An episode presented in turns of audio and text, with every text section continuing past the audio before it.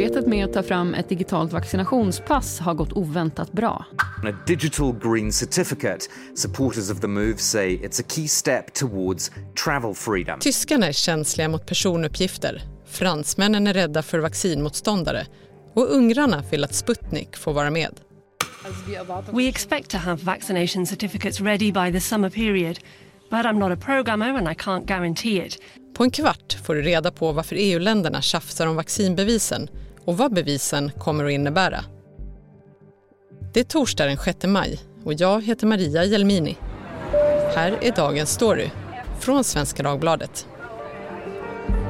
Your large carry-on items need to go in the overhead compartments. Your smaller ones underneath the seat in front of you. Teresa Kyschler, du är SVDs Brysselkorrespondent och du har följt den här frågan om vaccinbevis.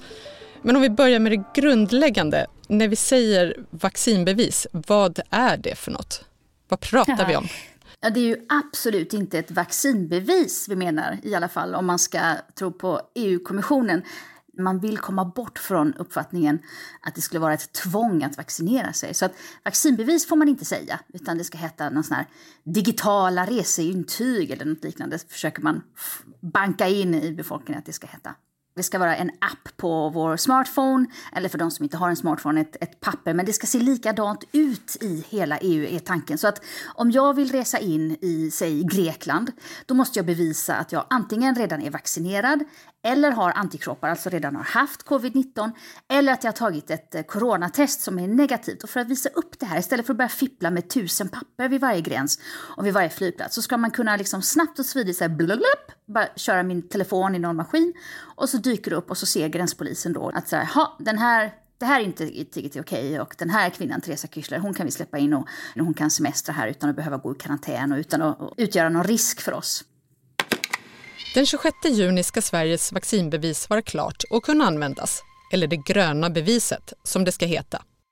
Beviset kommer vara en QR-kod som skannas där personens namn, födelsedatum, vilket vaccin som har tagit, när och hur många doser dyker upp.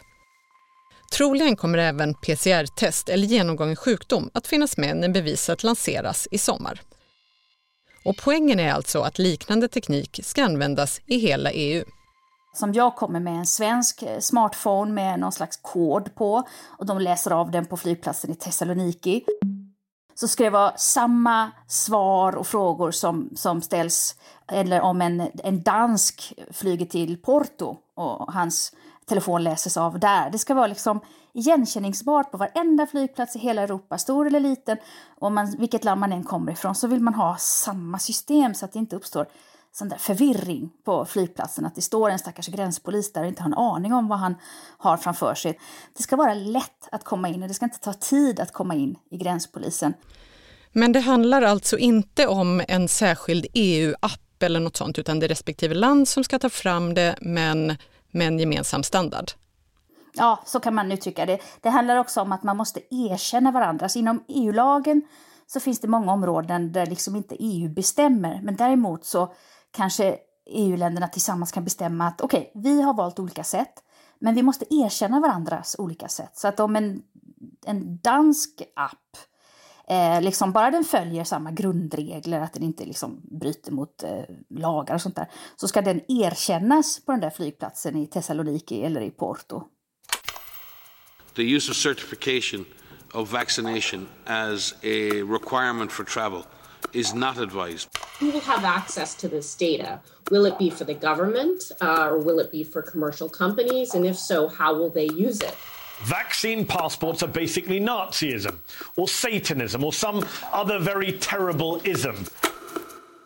Det verkar ju vara oerhört mycket som är känsligt och snårigt. Vad är det specifikt? Det är alltid snårigt just när det gäller såna här databasgrejer, att det ska samlas in en massa data, det ska blippas och bloppas med något kort på någon flygplats eller man kräver fingeravtryck eller man kräver något chip eller alla de där datorfrågorna är alltid väldigt känsliga. Vi är så vana i Sverige vid att någon säger så här, vad har du för personnummer? Vill du ha ett Åhlénskort? Vill du att jag sparar dig i min databas över vilken hårfärg du använder här på vår frisersalong? Vi är så vana vid att vi slänger ut vårt personnummer. Medan i till exempel Tyskland så är det helt otänkbart att staten skulle liksom begära elektroniska spår av dig var du än går. I Storbritannien, som inte längre är med i EU, men som ändå är med i diskussionen, där har de inte ID-kort och har aldrig kunnat införa för att det har ansetts som att liksom staten tvingar oss att gå omkring och man drar såna här krigsparalleller med papiren bitte, att man liksom alltid ska kunna visa upp vem man är och det är jättekänsligt politiskt. Så att om man vill göra någon slags app då med telefon så att alla kan säga blulup, köra sin telefon i någon maskin, då frågar sig genast politiker i en del EU-länder, wait a minute, exakt vad kommer vi att se på den där skärmen när du blippar? Vad kommer ni att veta om mig? Vad kommer den här gränspolisen i Thessaloniki på min semester få reda på mig som han kan spara på sin dator? Så att den slags diskussioner är vanliga. Att det är så eh, liksom, snårigt just nu, det är för att det ska gå så himla fort. Man vill ha det här på plats före sommarsemestern, när de stora semestergrupperna kommer. Och i vanliga fall så tar ju en EU-lag eller EU-förordning kan ju ta flera år. De kan harva och bråka, förhandla och dona och skriva om och, och testa. Men här vill man ju ha det på plats nu, så man måste lösa alla de där trådarna på en gång. Och då blir det liksom snurrigt. May we see your papers? I don't think I have them on me. In that case, we'll have to ask you to come along. Wait, it's possible that, uh, yes. Here we are. Men det verkar som att alla EU-länder inte är jättesugna på att Eh, ta fram vaccinbevis och framförallt inte då tillsammans med EU. Kan EU bestämma att eh, medlemsländerna måste ta fram sådana här vaccinintyg? Det här är en förordning och en förordning är en rättsakt som blir bindande direkt. Så att om den klubbas så ska den bli bindande. Samtidigt så är det varje EU-lands egen suveränitet att få stänga sina egna gränser och rå om sina egna gränser. Det såg vi för ett år sedan när ett land från en sekund till nästa kunde fälla ner bommen vid någon gräns. Eller flygplan fick vända i luften för att helt plötsligt så fick de inte ens lov att landa dit de var på väg. Det är en sån här suverän statlig rätt som varje land har. Så att det är lite så här mm, obestämt om liksom hur tvingande det här kan vara. Men jag tror att de flesta EU-länder, om inte alla EU-länder, faktiskt vill ha något slags intyg som gör det lättare för dem att både släppa iväg sina medborgare till andra länder och ta emot medborgare från andra länder till sig själva. Vad som är oklart är i vilken grad de vill ha det här EU-gemensamma intyget. Det har ju varit en stor debatt under hela pandemin här om att den fria rörligheten inom EU hindras hur blir det nu med vaccinbevisen? Måste du ha vaccinerat dig för att få resa? Eller är det okej för länder att fortsätta med karantänregler till exempel eller till och med stänga sina gränser? EU-kommissionen skulle vilja att samma dag som man inför det här gemensamma intyget så ska alla länder sluta med sina karantänkrav. Det är liksom det som är hela poängen då, den här smidigheten som det ska innebära med ett sånt här intyg. Man slipper stå i en flygplats och bli skickad till något hotell bort någonstans och få sitta i fem dagar och sen inte kunna komma ut förrän man har hittat någonstans där man kan göra ett test. Om alla länder går med på det eller inte, det återstår att se. Men tanken är att när man har det här intyget kan man visa upp att man är testad, vaccinerad eller immun, antikroppsinnehavare, så ska det vara det som gör att man slipper allt det där krånglet med karantän.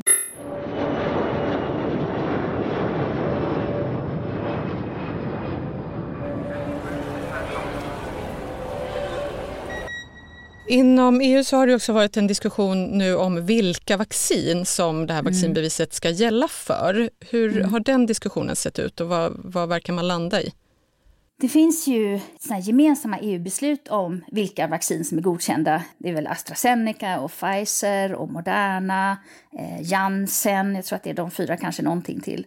Däremot så är inte Sputnik, det ryska vaccinet, godkänt. Och det är ju det som den här frågan egentligen handlar om. Det handlar ju om det ryska Sputnik-vaccinet eller det kinesiska Sinopharm-vaccinet. I Ungern till exempel har man delat ut Sputnik. Ska då en ungrare eh, som hamnar på en flygplats i Sverige eller någon annanstans inte få komma in för att han har fel vaccin inom citationstecken.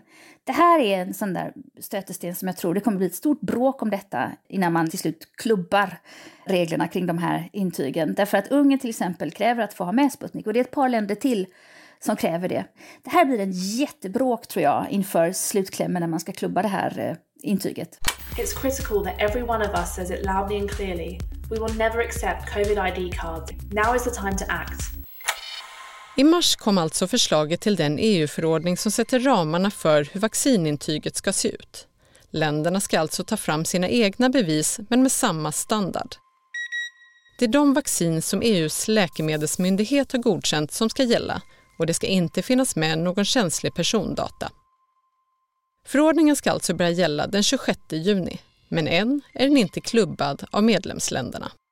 EU-parlamentet eh, måste eh, vara med och de ska förhandla med ministerrådet, alltså de 27 EU-ländernas eh, regeringar.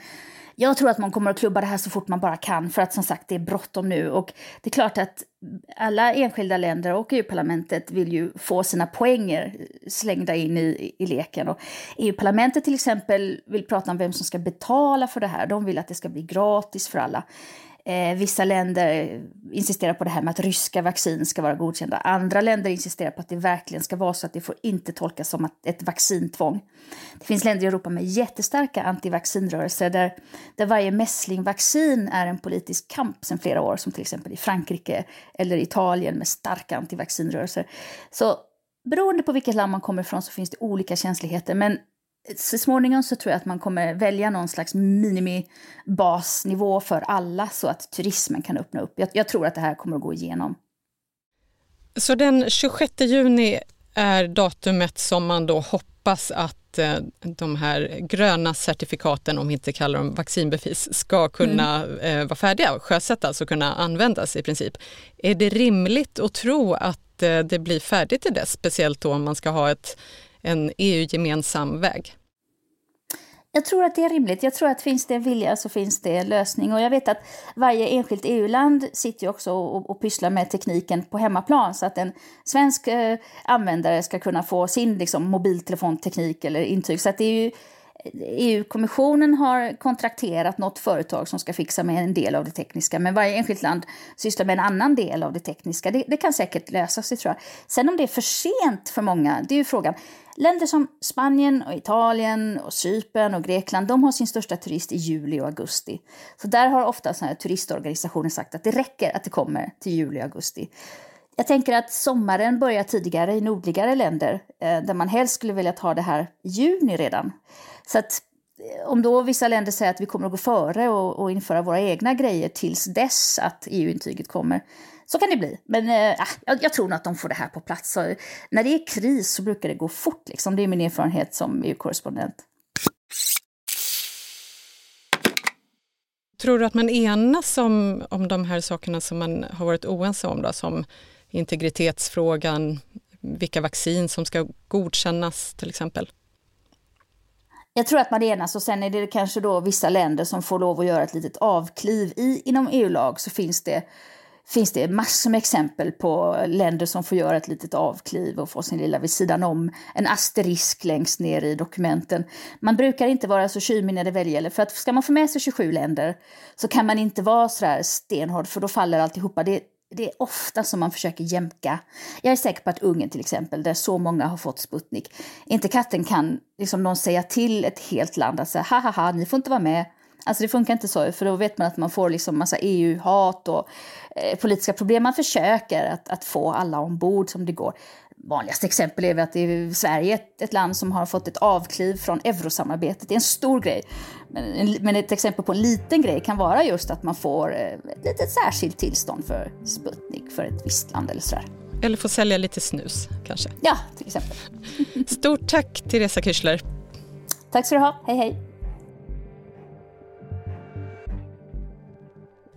Vi som gjorde programmet idag är producent Daniel Persson Mora och jag heter Maria Jelmini.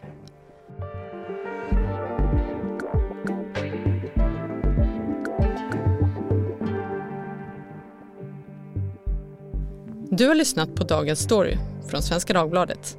Ett ämne, 15 minuter, varje vardag. Och gå gärna in och prenumerera på Dagens Story i din poddspelare och sätt gärna ett betyg. Avsnittets ljudklipp kommer från Vox, Sveriges Radio, France 24, Deutsche Welle och filmen Casablanca.